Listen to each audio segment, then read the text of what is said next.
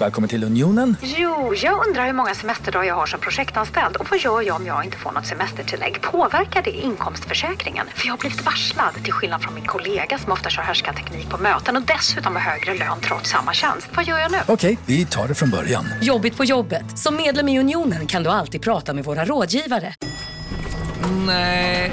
Dåliga vibrationer är att gå utan byxor till jobbet.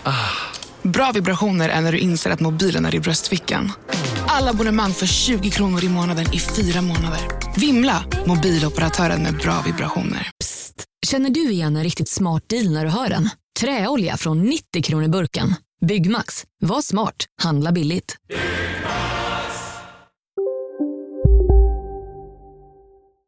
Hej och välkomna till dagens avsnitt av Kulturbarnen. Woho! Med mig, Ida Thyrén och Med mig Pontus de Wolf. hur är det med dig Pontus? Jo, jag smälter. Alltså jag är som en pöl på marken av eh, den här värmen alltså som vi har.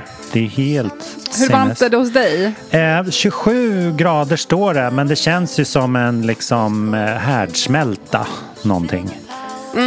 Eh, Det är lite samma stil här. Men jag, jag, jag, jag- uppskattar ändå lite det här. Jag tycker om att sitta och svettas. Jag har varit inne hela dagen och bara hängt typ att balkongdörren öppen och suttit hemma och läst och hängt med min dotter. Och jag gillar lite det här, sitta och svettas lite. är lite nice. man blir liksom ett med omgivningen på något vis. Att lite hud, Ja. huden försvinner.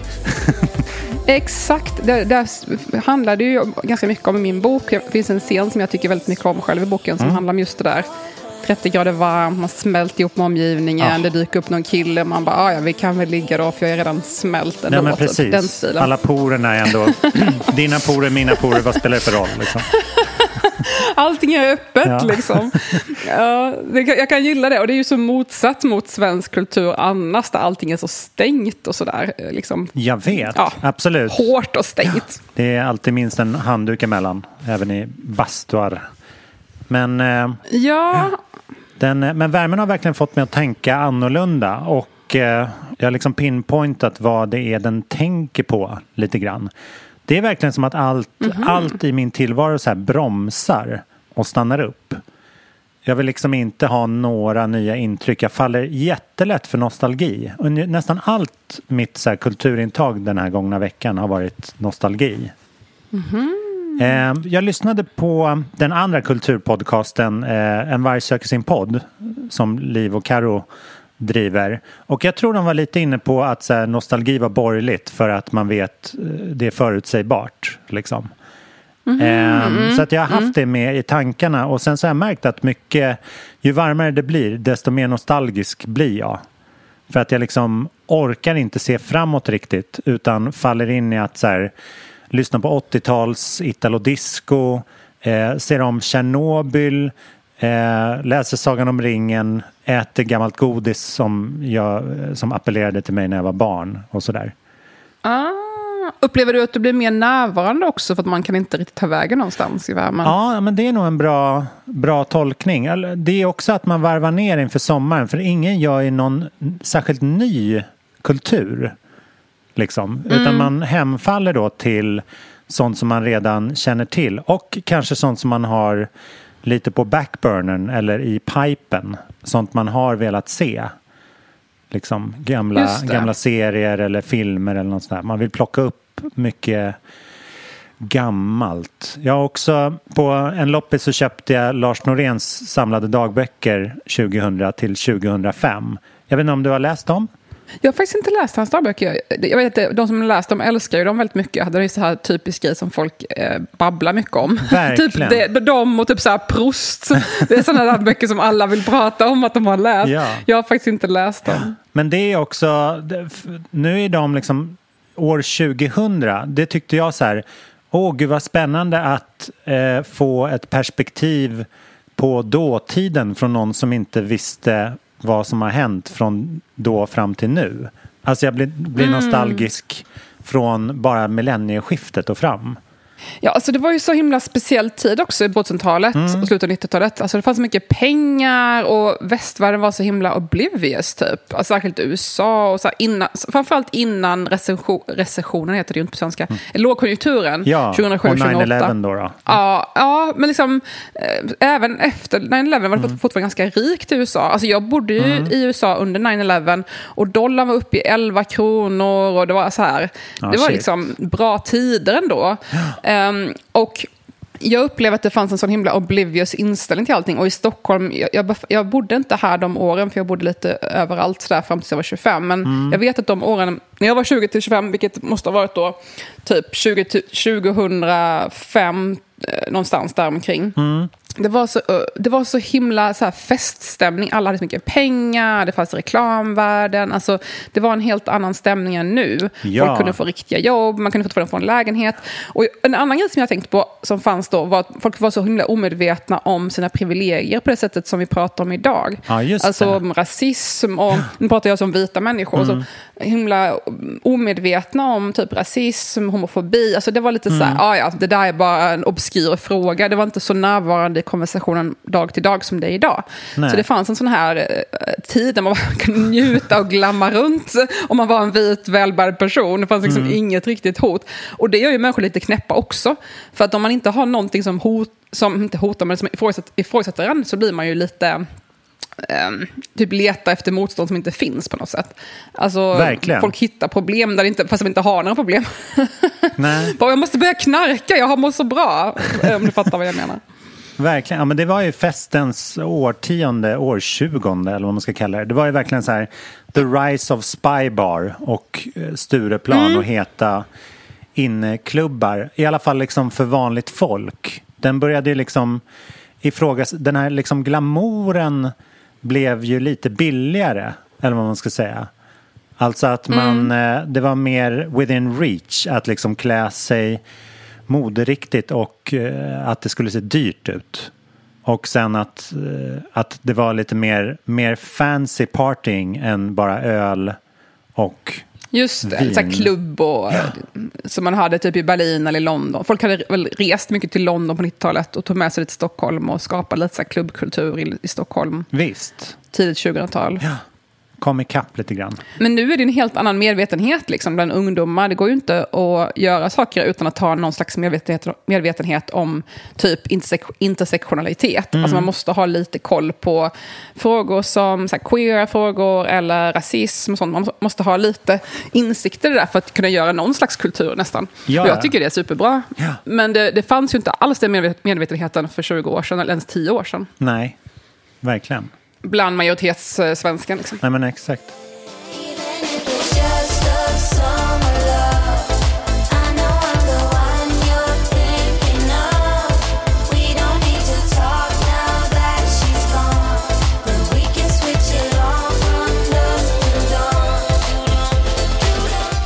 Hur har du mått? Jag har levt den här varma, härliga bubblan av City Weekend permanent. Jag har nu haft typ fem, sex veckors City Weekend här i Stockholm och kommer ha lika länge till. Eh, Jag ska inte göra någonting i sommar förutom att vara med min dotter och hennes pappa jobbar så jag måste vara kvar i Stockholm. Vilket jag faktiskt är helt okej med. Jag tycker det känns jättelyxigt. Jag har ju varit i Värnamo sista året och innan dess i USA i många år. Så jag tycker det är skitnice att vara i Stockholm. Så jag bara njuter av att gå runt och äta gott, dricka gott. Eh, terrorisera samma restauranger och kaféer där de ser mig bara, är du här igen? De måste undra vem jag är, vad jag håller på med. Du är jag, lite jag, som i Vänner. en- det är jag som är, jag har, jag har inga vänner, det är bara jag. Nej, men jag har olika, nej, men jag fångar upp olika människor som dyker upp mellan deras landet-resor. För att alla i, i min ålder upplever jag eh, åker bort hela tiden. Alla Ah, är så här, ja, åh, när jag har semester, då kan vi äntligen ses. Jag har så mycket att stå i, men på semestern kommer jag ha lite mer tid, då måste vi hänga. Mm. Och sen varenda jävel är bortrest. Till något jävla sommarställe, till något annat land, I don't know. Det är bara jag som är i Stockholm. Så jag får liksom fånga upp de där folk när jag kan, så här, Ja, mellan deras resor. Så ikväll har jag lyckats fånga ihop ett helt gäng, så att jag ska käka middag efter den här inspelningen. Så jag får Mm. liksom fånga in folk när jag kan. Men jag, jag njuter, jag älskar att vara i Stockholm på sommaren. Jag tycker det är så himla vackert här och solen skiner och det grönskar. Och jag hade en helt fantastisk dag i söndags. Eh, både jag och min kille är ju väldigt så här, sociala, träffar människor och sådär. Eh, hans vänner är lättare att träffa för de är i 20-årsåldern och har inte typ en karriär och barn Nej, nej. lika mycket. Så. så de vill ju alltid träffas och ses och så. Ja. så det, det blir ju att jag träffar hans kompisar också. Men i söndags hade vi en sån mysig dag och bara typ hängde i solen, käkade på balkongen, promenerade in till stan från söderort, typ två mil nästan gick vi. Mm. Eh, bara babblade ehm, i solen och sen typ kissade i skogen Ja. på vägen. Höjdpunkt. Vet inte vad. Eh, och sen kom vi fram, testade, han är väldigt intresserad av öl, jag dricker inte så himla mycket. Men vi testade det här stället, eh, nya Mikkeler som är så här superhypad. Ehm, Ja, ja, ja. ja. Superhypad ölbryggeri, kanske världens he- hetaste ölbryggeri, som är danskt. Eh, De har startat ett nytt ställe i Stockholm eh, på Östgötagatan på Söder. Ungefär vid. Mosebacke. Um, så de öppnade nu i helgen, så vi ville gå dit och titta. Eller han ville gå dit, jag ville gärna hänga med. Um, och det var jättefin inredning och toppen. Och han fick dricka den där ölen han har längtat efter att testa, som är ny. Och, ja, det var väldigt mysigt. Uh, och satt vi där och det var väldigt nice, jag måste ge högt betyg. Men jag hade ett problem och det var angående det här med inredning, vi pratat, pratat om tidigare, inredning av barer och sånt. De hade ganska höga bänkar, men det fanns inget fotstöd. Så man sitter och dinglar, dinglar med benen. Och det där är sjukt irriterande alltså. Ja. Och dingla med benen. Särskilt det, det kan man, eh, då kan man känna sig lite mer full också. Eller liksom att man inte får, man, man, eh, man är inte jordad riktigt. Nej, och det Nej. här är ju samma fenomen som man har med barns um, såna här barnstolar, bebisstolar liksom. De har ju också, man sitter och dinglar med benen, har du tänkt på det? Och jag tycker det är så irriterande grej, jag tycker det är så respektlöst, för folk bara, ah, vi sätter barnet i den här barnstolen, så sitter de där i flera timmar medan man fikar, och de sitter och dinglar med benen. Jag svär att det här är obekvämt. Barn har också det här behovet att ha liksom ett fotstöd. Därför gillar jag de här tripp-trapp-trullstolarna. Liksom. De har ju så här fotstöd. Så jag kände mig lite som ett barn i en sån barnstol. Jag satt och dingla- dinglade med benen. Ja, jag Ehm, förstår. Men äh, i övrigt hade jag bara bra saker att säga om det här nya stället. Ja. Och sen eh, fortsatte vi den här mysiga kvällen med att gå på bio. Ah, igen. Och såg, eh, igen, och såg en helt fantastisk film som är typ det enda jag vill prata om idag. Och det är A Promising Young Woman. Som är så bra! Oj, jag vill höra... Har du hört talas om den? Nej, jag vill, jag vill höra allt. Men eh, ska vi, ska vi först bara, apropå temat eh, värme och Stureplan och bra fest och sådär, presentera dagens musik? Ja! Ja, eh, idag lyssnar vi på nya alster från Rebecca och Fiona, nämligen. Eh, Gud vad kul! Ja, de har, de har släppt sin senaste singel eh, Real Love här för några dagar sedan. Den kommer ut i en serie låtar som de släpper liksom en lite då och då. Ehm, Och har egentligen gjort det ända sedan förra sommaren när eh, deras eh, låt Fet House Mode var en hit. Eh, också en väldigt bra video där de sitter och spelar harpa och eh, trumset Åh gud, jag måste se den här. Så himla tung titel också. Jag måste kolla in det här. Ja, den är riktigt epokgörande. Vad har du för, eh, för relation med Rebecca och Fiona? Jag träffade på en av dem nyligen ute på en uteservering och babblade lite. Um, mycket nice tjejer. Vi är ju typ lite samma ålder så vi har ju träffat på varandra sådär i utelivet, i utesvängen här och Ja, där. ja. Vi har aldrig umgåtts privat och så, men vi har ändå, man har ju sagt hej och sådär. Eh, jag tycker att de är skitgrymma och det ska bli jättekul att se vad de hittar på framöver. Jag kommer ihåg när jag började så här DJa på klubbar och, ehm, och vad heter det, restauranger och sådär. Att jag tyckte att det är så här, gud vad kul att tjäna pengar på det här plötsligt. Då hade de precis fått så här kontrakt på Marie Levaux på eh, Hornsgatan att bli så här residence. Och ryktet gick att de fick så här 25 000 per Men va? gig. Du skämtar med mig? Nej, och jag bara så här, va, hur är det möjligt? Men, men liksom, då sa Elsa, min fru, det är skitsmart. Det är skitsmart. Shit. Ja. Men hur då? Hur då? Att, de, att, det, att, det blir, att det blir coolt att gå dit då? Eller vad, vad Precis, att det var, liksom? som liksom, att det var PR nog att de lirade där. Men var inte Marie Levaux redan populärt på den tiden? Jo, men det för man måste ju alltid hålla sig ajour. Tänker jag. Jo, det är klart. Ja. Men sen har de ju exploderat på alla håll och kanter och är ju liksom fan vad de håller i ändå. Det, det är nästan det är det finaste betyget man kan ge någon, att de håller i, tycker jag. Det måste ju vara mer Ja, liksom verkligen. tio år.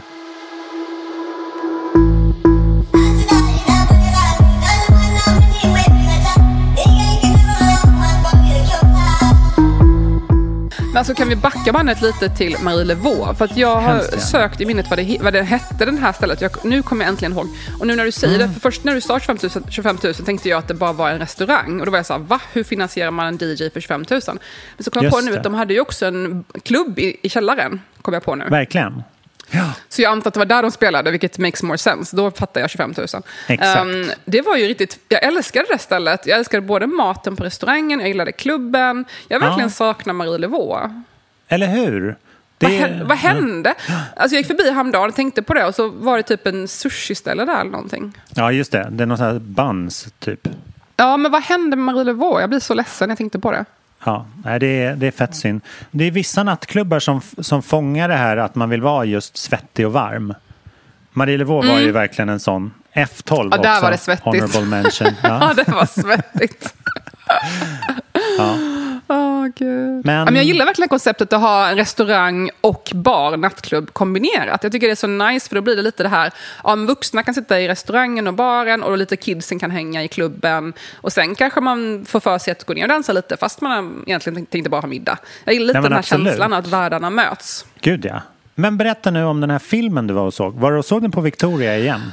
Din favoritbiograf? Ja, jag var på, Victoria är min favorit. Du har helt rätt. Victoria är min favoritbiograf. Den här Mm. gången fick jag den här... Jag, jag är inte så förtjust i de här jättesmå eh, biografsalongerna, men tyvärr var det det den här gången. Vi var bara sex stycken i salongen. Det var fyra tjejer och så jag och min kille. Mm. Och det var bara typ två rader, kanske 12 platser eller någonting. Ja. Eh, Men det var väldigt, väldigt fint för de hade, det var den här fina inredningen med jättemysiga fåtöljer och en liten kudde bakom en. Så det känns som att man sitter på någon liten Oh. flyglobby eller någonting. Filmen var så otroligt bra. Alltså jag hade hyfsat höga förväntningar, men de överträffades totalt. Nu kanske jag förstör upplevelsen för de som lyssnar, som kanske får jättehöga förväntningar. Men jag tror också att anledningen till att jag tyckte den var så himla fet var för att den var, jag, jag var så uppenbart exakt målgruppen. Det här var en film som var gjord för Ida Tirén. så, så gillar Vad man någonting som jag gillar, då kan jag tipsa om här. Eh, A Promising Young Woman. A promising men jag måste säga att Ja, men det är ju du. Ja, det, det är jag. Uh, hyfsat young i alla fall. Det beror på vem man pratar i ett sammanhang. Men ehm, min kille tyckte också den var skitbra, så det var ju skönt. Det var ju inte bara jag som gillade den. Men eh, han, kortfattat så handlar det om en, ung kvin- eller en kvinna runt 30 som bestämmer sig för att hämnas på sin kompis som har utsatts för våldtäkt och hon konfronterar olika våldtäktsmän. Okej. Men filmen är både gjord, både skriven och regisserad av en kvinna som heter Emerald Fennell som är lika, lika gammal som mig, så vi har uppenbarligen väldigt lika referenser Ja. och preferenser. Så att, ehm, och huvudrollsinnehavaren är också min ålder, så det var väldigt sådär jag fattar allting. Mm. Det var bland annat en scen i filmen som var helt otrolig, som nog går in på, kvalar in på min lista över favoritfilmscener någonsin. Oj. Eh, Det var nämligen... Alltså, hela filmen är lite så här kitschig på något sätt. Den har lite så överdrivna eh, inslag. Det är liksom en, lite som en thriller, men också en komedi. Vissa... mm, Otroligt mycket fin cinematografi, mycket fina bilder. Och lite så här Wes Anderson-stilen nästan på det. Eh, Så det fanns lite så överdrivna färger, överdrivna stilar. Och jag uppskattar verkligen det när det blir så här på, rikt, på allvar, men ändå inte riktigt. Och jag tror man kanske behöver ha ett sånt an, anslag för ett sånt tungt tema som Ja, våldtäktsmän är dumma, det, det vet vi ju. Ja. Hur ska man göra det här intressant? Då får man nästan skruva upp det lite. Så hela filmen är lite, lite uppskruvad, men inte för mycket. Det är precis på gränsen. Men det finns en scen när hon är precis nykär, huvudrollsinnehavaren, och träffat en jättegullig kille som är så drömkille. Och som, vad som händer sen får vi se i filmen. Men de är inne på ett apotek. Ehm, och här, Pharmacy och så spelas Paris Hilton Stars Are Blind Okej. i bakgrunden. Och jag vet inte, men jag tror att det är så alla millennial womens favoritlåt. Ja. Eller så är det bara jag. Men jag dör för den här låten. ja, men det, jag känner, jag hör den, jag hör den för mitt inre här i bakgrunden. Ja, alltså den är ju helt briljant. Det är alltså Paris Hiltons låt som är skitbra. Den har kari- karibiska inslag och man vill ju tänka att den skulle suga men så är den så otroligt bra och den har stått sig och är fortfarande skitbra. Ehm, I alla fall, de sjunger med i den här, killen sjunger med i den här låten och typ dansar runt och typ lyfter fram olika roliga paket med så här, här är lite granola, stars are blind, typ mimar, sjunger med. Och det är så här romantiskt och gulligt som det är precis när man är nykär och allting är så här härligt och personalen bara haha skrattar åt dem lite, himla med ögonen. Ja. Ja. det, alltså den där scenen, åh, jag dog för den där scenen. Så jag gick ut från den här bion och kände bara, jag var så, jag var så glad och upplyft för det var så himla bra film. Mm. Men jag var också lite, lite sorgsen för jag kände, gud, varför har inte jag gjort den här filmen? Ah. Ja, men varför har du inte gjort den? Men din nästa grej är ju att göra film. ja, jag vet. Ja. Ja, jag blev så in- inspirerad och eh, ja, uppfylld. Mm. Härligt. Apropå Paris Hilton, så idag tisdag när vi spelar in det här så har det ju offentliggjorts att hon gör, ska göra ett matlagningsprogram för Netflix. Har du sett det? Nej, det är sant! Ja. Nej, det visste jag inte. Premiären 4 augusti. Eh, Det ska heta Cooking with Paris. Alltså, jag menar, här, ni kommer ihåg det här sextejpet hon släppte och det hette One Night in Paris. Jag menar, Mm. Ja. det är ju bäst. Ja. alltså, det är ju bäst.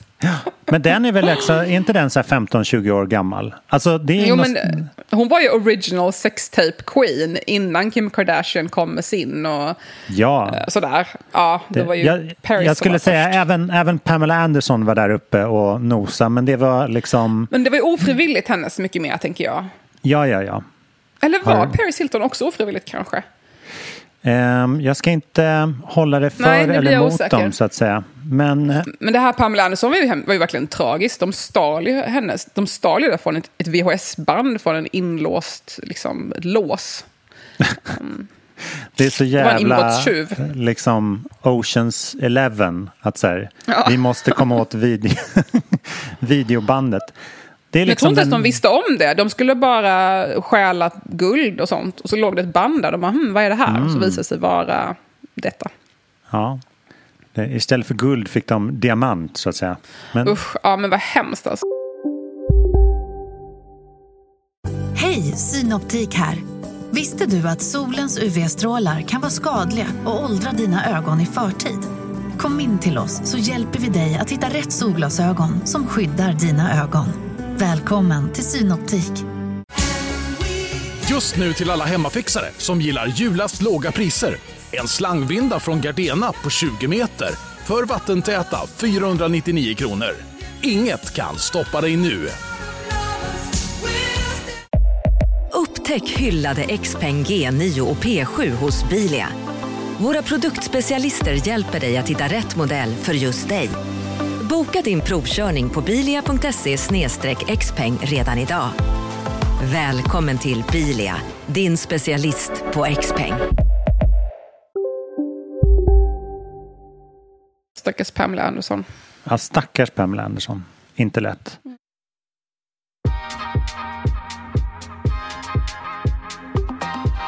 Men ehm, Netflix kommer ju köra, eller det, överhuvudtaget på streaming-sajterna så ser jag väldigt mycket fram emot ganska mycket eh, musikdokumentärer kommande tiden.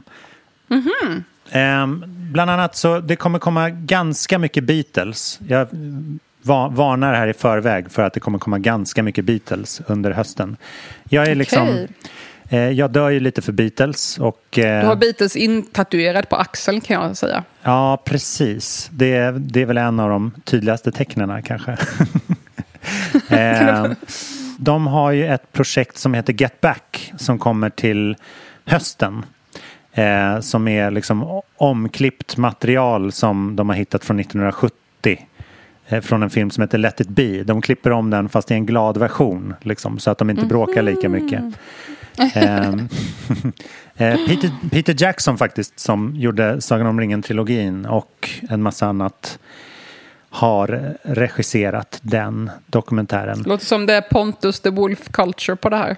Ja, verkligen. Men eh, jo, och sen så släpps det en eh, dokumentär om Velvet Underground som jag Åh, tror jag kommer dem. vara fet alltså.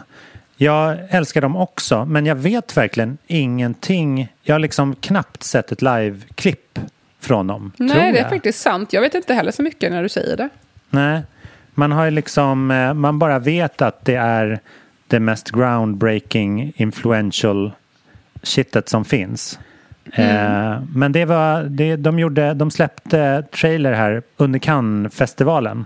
Eh, Så att eh, den kommer nog bli ganska stor och det är Apple Plus, streamingtjänsten Apple Plus som släpper den. Det tror jag kommer bli helt underbart alltså.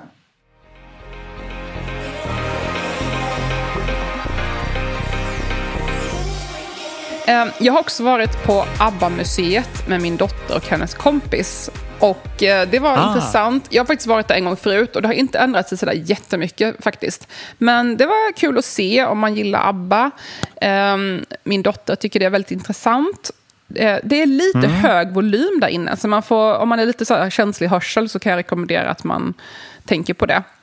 Ja, man är typ nere i källaren va? Ja, Eller? och det är jättemycket ljud på Ja. alla håll och kanter. Så att om man är känslig för sånt får man vara lite försiktig. Men det är ju en intressant story med ABBA. Det är, ju lite som med Beatles. Att det är ju ändå någonting som har påverkat hela pophistorien. Så att det är ju väldigt intressant att se hur det har utvecklat sig och sådär. Verkligen. Och de fortsätter berätta om det. Det gör det ju bara ännu mer starkt. Ja, så det har jag gjort i veckan. Ja. Det där tänkte jag på, fast jag tänkte på det utifrån Beatles såklart. Att de är ju inte, de är inte bara coola för att de är ABBA eller Beatles, utan de är också liksom eh, förstahandsvittne av hur det var att vara dem under den tiden. Alltså de är liksom, förutom att, eh, förutom att de var, gjorde den musiken och liksom var de personerna och så var de ju också liksom, de är liksom skildrare av den tiden. Alltså de är där för att berätta, de skaffade ju stoff för att kunna berätta om den tiden nu. Aha, du menar idag? intressant. Alltså de både upplevde Ja, det och precis. skapade det samtidigt. Exakt. Mm, intressant. De är både återberättare och medverkar, Ja. medverkande.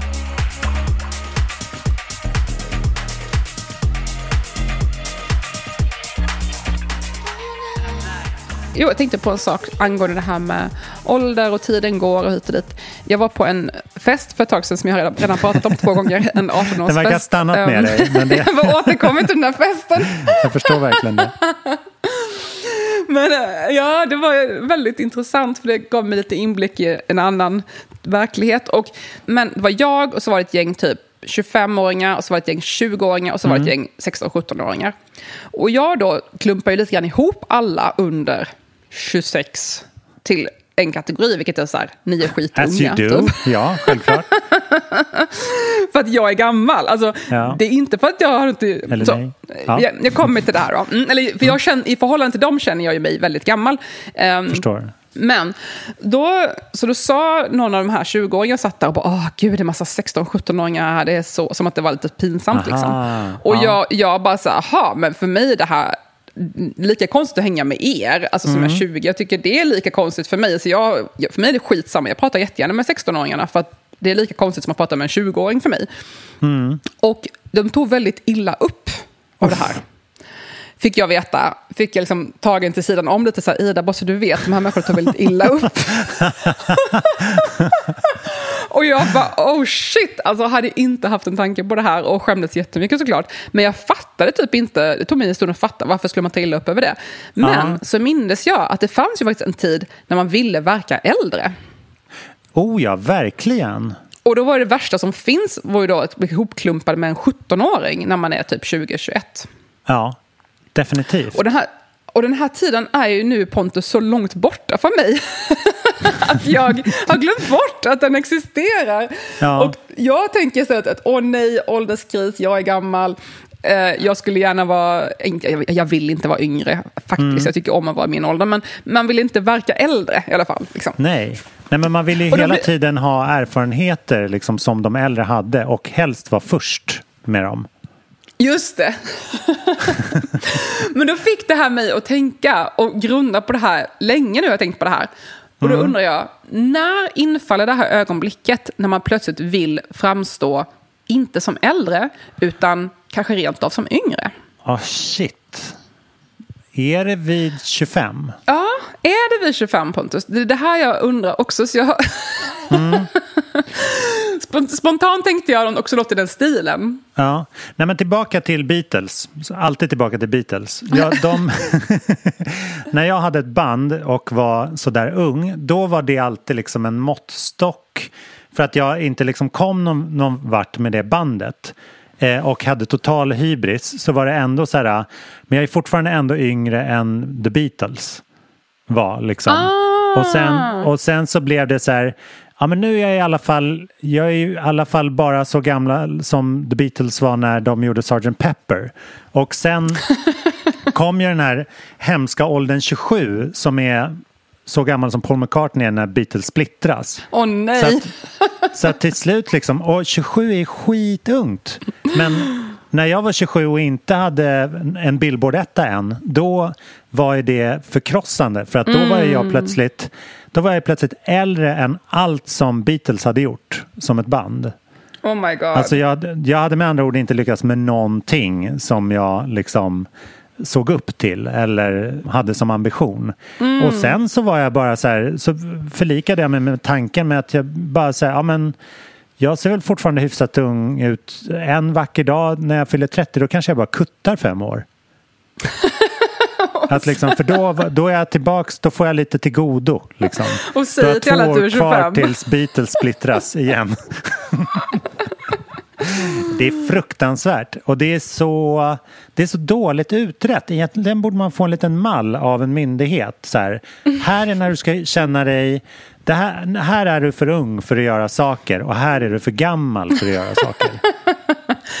alltså, det Liksom. finns, Och så bara har man det som en måttstock. Alltså det finns ju en mening i min roman, Att omfamna ett vattenfall. Då, jag, tycker väldigt mycket om den här själv. Jag citerar ju minnet, men 25, tillräckligt gammal och tillräckligt ung. Eller något sånt där, säger den. Och ja, ja. Jag, jag tänker att det är 25, hela boken handlar väldigt mycket om att vara 25 år och vad det innebär. Just den här 25-årskrisen kan man säga, att man plötsligt inser att shit, hela världen finns framför mig. Nu kan jag gå in i det här. Jag är inte längre en 21-årig liten brud, utan nu är jag faktiskt vux, på väg in i riktiga vuxenvärlden. Um, Visst. så det boken handlar mycket om den här känslan av så här, shit, nu gäller det. Um, och samtidigt man vill vara kvar i det här gamla. Men jag tänkte också, kanske det var runt 25 som man hade den där känslan att man plötsligt... Eller jag tänker, 20 runt 25 vill man vara 25, tror jag. I alla fall Ja. kanske lite äldre, men inte så jättemycket äldre. Sådär. Um, men jag tror att det kanske börjar hända där efter 25, kanske 27, typ. Eh, sen tror jag det beror lite grann på lite olika variabler. Det ena tror jag är kön. Alltså, för Ja. kvinnor så vill man ju, finns det ju ett ideal att vara ung och sådär, att det anses vara attraktivt att vara ung. Ehm, och då kanske man lite tidigare vill hålla sig kvar vid sin ungdom på det sättet, eller framstå som Ja. ung. Ja. Uh, Medan för män då kanske det är lite mer så här makt och pondus i att vara lite äldre. Eh, Så Just det kan ju det. skilja sig lite grann för, för könen. Jag vill också passa på att inflika att jag har en spaning kring det här med utseende och ålder. Eh, Jag kan gå in i det mer någon annan gång, men min syn på att mitt eget ansiktes åldrande, jag har inte gjort några ingrepp eller injektioner eller sådär. Jag har gått på ansiktsbehandling med lite massage, typ, that's it. Eh, Och det här är ett aktivt val som jag har valt bort. Jag vet ju att man kan göra botox och jag skulle kunna göra det, men jag har valt att inte göra det. Och då har jag resonerat så här att jag håller på att få ett annat ansikte. Och bara se på det så istället, att så, aha, nu håller jag på att få ett nytt ansikte. Eh, Det blir en annan sak än att tänka att oh, jag vill ha kvar mitt gamla ansikte som jag aldrig kommer få igen. Jag kommer aldrig se ut som 25 igen. Så istället Nej, tänka så här, nu har jag ett nytt ansikte. Och vad är det för ansikte? Men jag kan prata mer om det en annan gång. Eh, Men i alla fall, den här spaningen då. Ehm, och det handlar nog ehm, också om vilket sammanhang det här rör sig om. Ehm, För när börjar man bli sur då för att bli, de tror att man är yngre? Ehm, Ja, till exempel också sam- kontextet. Skulle man vara till exempel på en ko- jobbkonferens eh, och även då som kvinna, om man är 30 och någon tror att man är 26, då kanske man inte blir så himla glad. För man kanske vill framstå som lite mer mogen och vuxen i det sammanhanget, i ett professionellt sammanhang. Eh, så jag tänker att när det handlar om prestation Precis. och så, då kanske man egentligen framstår lite äldre. Eh, Man kanske blir rent av glad om någon bara, åh, är du bara 34 som har skrivit den här boken? Jag trodde du var minst 40 med tanke på mognaden. Då kanske man inte tar illa upp. Ja, ja, ja. Men om de tittar på mitt face och bara, aha, är du bara 34? Jag trodde du var 40. Då blir jag jävligt sur. så att jag tänker, det, det är ju lite så kontextberoende också. Eh, Ja. Men rent generellt så, min spaning är att det ligger runt 27-28 det där. Att man, man kanske inte längre vill framstå som äldre rent Mm. generellt. Medan om man under 25 vill man gärna framstå som 25. Som på den här festen så var det en massa kids som var typ 16-17 som bara ah, “Hur gammal tror du jag är?” Och så skulle man säga så här, ah, 17-18 så var de typ 16. Och bara, “Nej men jag är bara 16!” Och jag bara ah, “Jag ser ingen skillnad på en 16 och 17-åring, I'm sorry, jag har ingen jävla aning. Du ser ut som en tonåring, jag vet inte.” um, Sådär.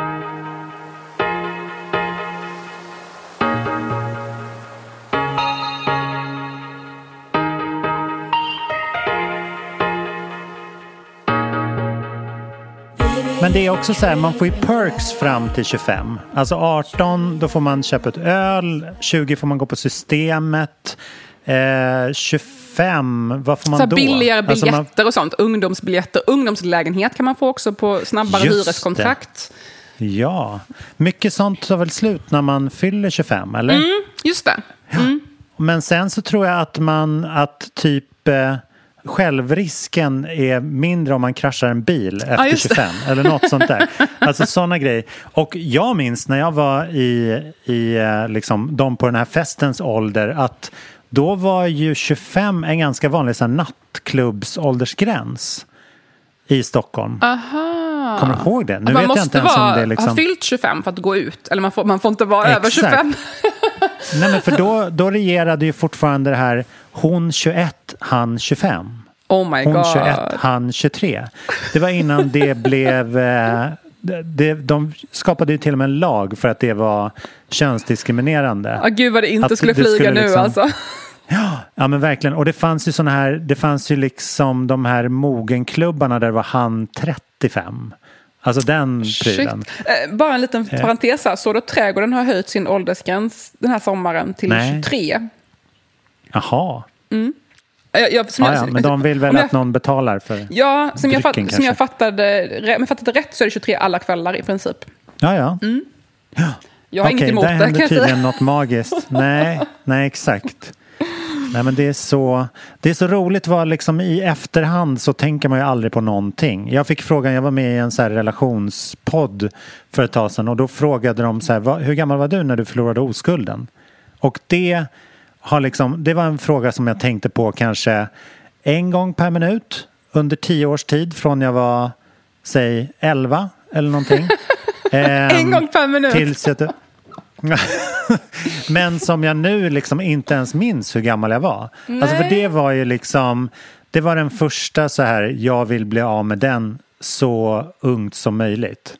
Alltså jag, jag vill kunna säga och tänka och veta att jag har haft sex. Det var nummer ett. Vad jag. Gud, vad jag också inte riktigt minns det här känner jag. Nej, Mm. och då minns jag att jag sa så här, ja men det var sent, det var ganska sent, jag tror jag var 19. Och sen kom jag på att jag var 17. Och sen, nu vet jag inte om det var sant. Men liksom, att det, det har liksom, sen dess så har det varit totalt oväsentligt. Och ganska mycket har, har de här åldersgränserna varit oväsentliga. De är inte något spännande i retrospekt. Överhuvudtaget. Nej, alltså jag tänker det enda jag tänker på med ålder är ju att det sägs ju att hjärnan är färdigutvecklad, särskilt med impulskontroll, först vid 25. Så att innan 25 har man ju mycket sämre impulskontroll, vilket är väldigt tydligt för typ en tvååring som har noll impulskontroll, en femåring har mindre, sjuåring har lite mer, men ändå inte så mycket. Eh, Min dotter är åtta nu, hon börjar ha lite mer impulskontroll, men tonåringar också, ingen vidare impulskontroll. 20, ja det börjar närma sig, men 25, då ska det tydligen landa. Så det sker ju ganska mycket i hjärnan, eh, rent biologiskt, så mycket som landar runt 25 tänker jag också. Ja, Jag skriver också i boken, Ja. apropå det här, efter 25, alla andra åldrar. Jag tycker själv att det är ganska fint. Och det är Ja. lite det, det är så det Ja, det känns tycker jag. Så att, att det finns ett innan 25, så finns det ett efter 25. Och då är man liksom vuxen på riktigt på något sätt. Ja, för då blir man ju inte påmind eller uppad förrän man fyller 30 eller 40 och då heter det 30-årskris och 40-årskris. Mm. Men i själva verket då är man ju nästan, man är nästan lite glad att det händer någonting. Äntligen får man gå på överhuvudtaget rel- relaterat till ålder. Bara, oh, det är någon som uppmärksammar att jag har en ålder i alla fall. Mm. För det, det duggar ju jäkligt tätt där i början. Liksom. Mm. Man fyller fem, man fyller sju, man fyller tio, man fyller femton. och så vidare och så vidare. Nu har jag fyllt 40, då har jag inga åldrar kvar. Ja, Nu- 50 då kanske. 50 får bli nästa. 45 är det ingen som bryr Ja, sig och sen 100. Ja. om. 50 sen 100. Hälften kvar, det är väl bara att börja tugga i sig. Nej men alltså jag får alltid en, varje gång jag hör min egen ålder får jag en sån chock.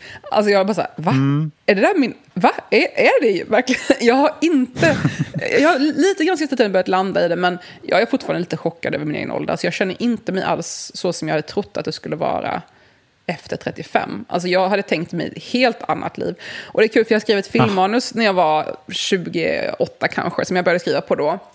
Och det handlar om några, några kvinnor som är eh, 30, typ mid-30s. Och då tänkte jag att de var så himla gamla. Jag bara, ah, de är ju så här 35, 38 jävla haggor typ. Ja. Så läste jag om det nu för något år sedan. Jag bara, "Aj, jag måste faktiskt ändra åldrarna för att min syn Åh, på hur de här kvinnorna var, var liksom så här 40, Ja. minst 40 i alla fall. Och fortfarande, alltså haggor var de ju inte, men alltså, förväntningarna på vad som skulle ha hänt vid 35 stämmer inte Ja. med mig själv och min omgivning. Så att jag kanske måste ha, öka förväntningarna till en 40-åring istället. Eh, det är lite Ja. skevt vad man har för förväntningar tror jag. Eh, du- Otroligt skevt. Mm. Men jag har ju ett barn. Det är ju alltid något. Jag har ju aldrig haft någon Ja, lön i mitt jag liv. jag har ju ett barn. Då har du något att, något att se fram emot kanske. Ja, precis. Någon mening i tillvaron. Vi kanske får börja ta tillbaka det här att man, eh, man säger till sitt födelseår istället. Ja, jag är rädd att vissa av de här ungdomarna inte kan räkna så långt. de bara? Attans, men det kanske... Ja. ja. Nej men Yes. eh, vi får väl eh, fortsätta eh, svettas och ha det hudlöst och varmt i det här landet. Det är ju liksom otroligt. Eh, ta, ta vara på den här tiden. Nu Ja. är det skönast. Nu är det liksom peak, peak svensk sommar 2021. Absolut. Och jag tycker faktiskt att, ehm, jag tänkte på en sak, om man tycker det är kul att lyssna på vår podcast, jag tycker faktiskt man kan tipsa en kompis. Ja, det ska man verkligen göra. För då kan man prata om den här idiotin vi öser ut oss eh, gemensamt och kanske komma på egna idéer kring det. Och återkomma till oss med dem. Ja, det, Det är jättekul att få meddelanden. Jag har fått ännu fler meddelanden nu om min 90-talistspaning, så det verkar ändå eh, det verkar hålla lite grann ändå. Ja, det är cooking. Mm, det jag har även satt ihop en, eh, en eh, grym sommarlåtlista. Oh, Eh, som jag eh, har satt ihop under mitt eh, producent alias. Eller jag har en, en eh, supergrupp i uppbyggande som heter The Color Red. Ehm, Okej. Och där heter listan så mycket som eh, The Hot Sounds of the Twenties eller 2020 eller något sånt där. Ni hittar den på artistsidan på Spotify. Ehm, ja, det är otrolig musik Men kan du förklara igen hur man får hitta den här? Jag fattade inte riktigt. Eh, The Color Red, det är liksom artisten. Okej, Så The Color sök på The Color Red på... Och där finns det en playlist man eh, kan lyssna på. Exakt. På Spotify. Okej. Eh, ja.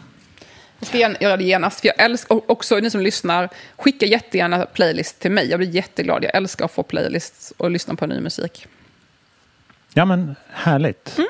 Ehm, nej, men det, var, det var underbart att prata med dig igen. Ja, Och, absolut eh, samma. Nu ska jag äta på Kina på Skanstull. lyxigt. ett helt gäng härliga människor. Så det ska bli jättekul. Um, så vi kan höras nästa vecka. Får vi se hur det känns då. Ja, då har jag en spaning om mat. Och jag kan ju hinta om att eh, vi kommer ta upp fryswoken.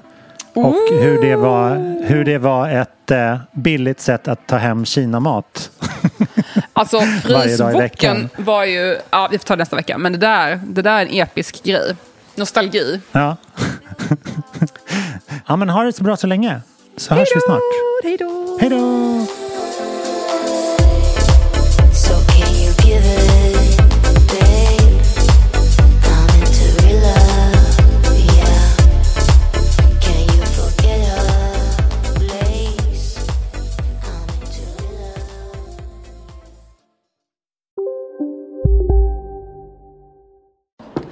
Kolla menyn. Vadå?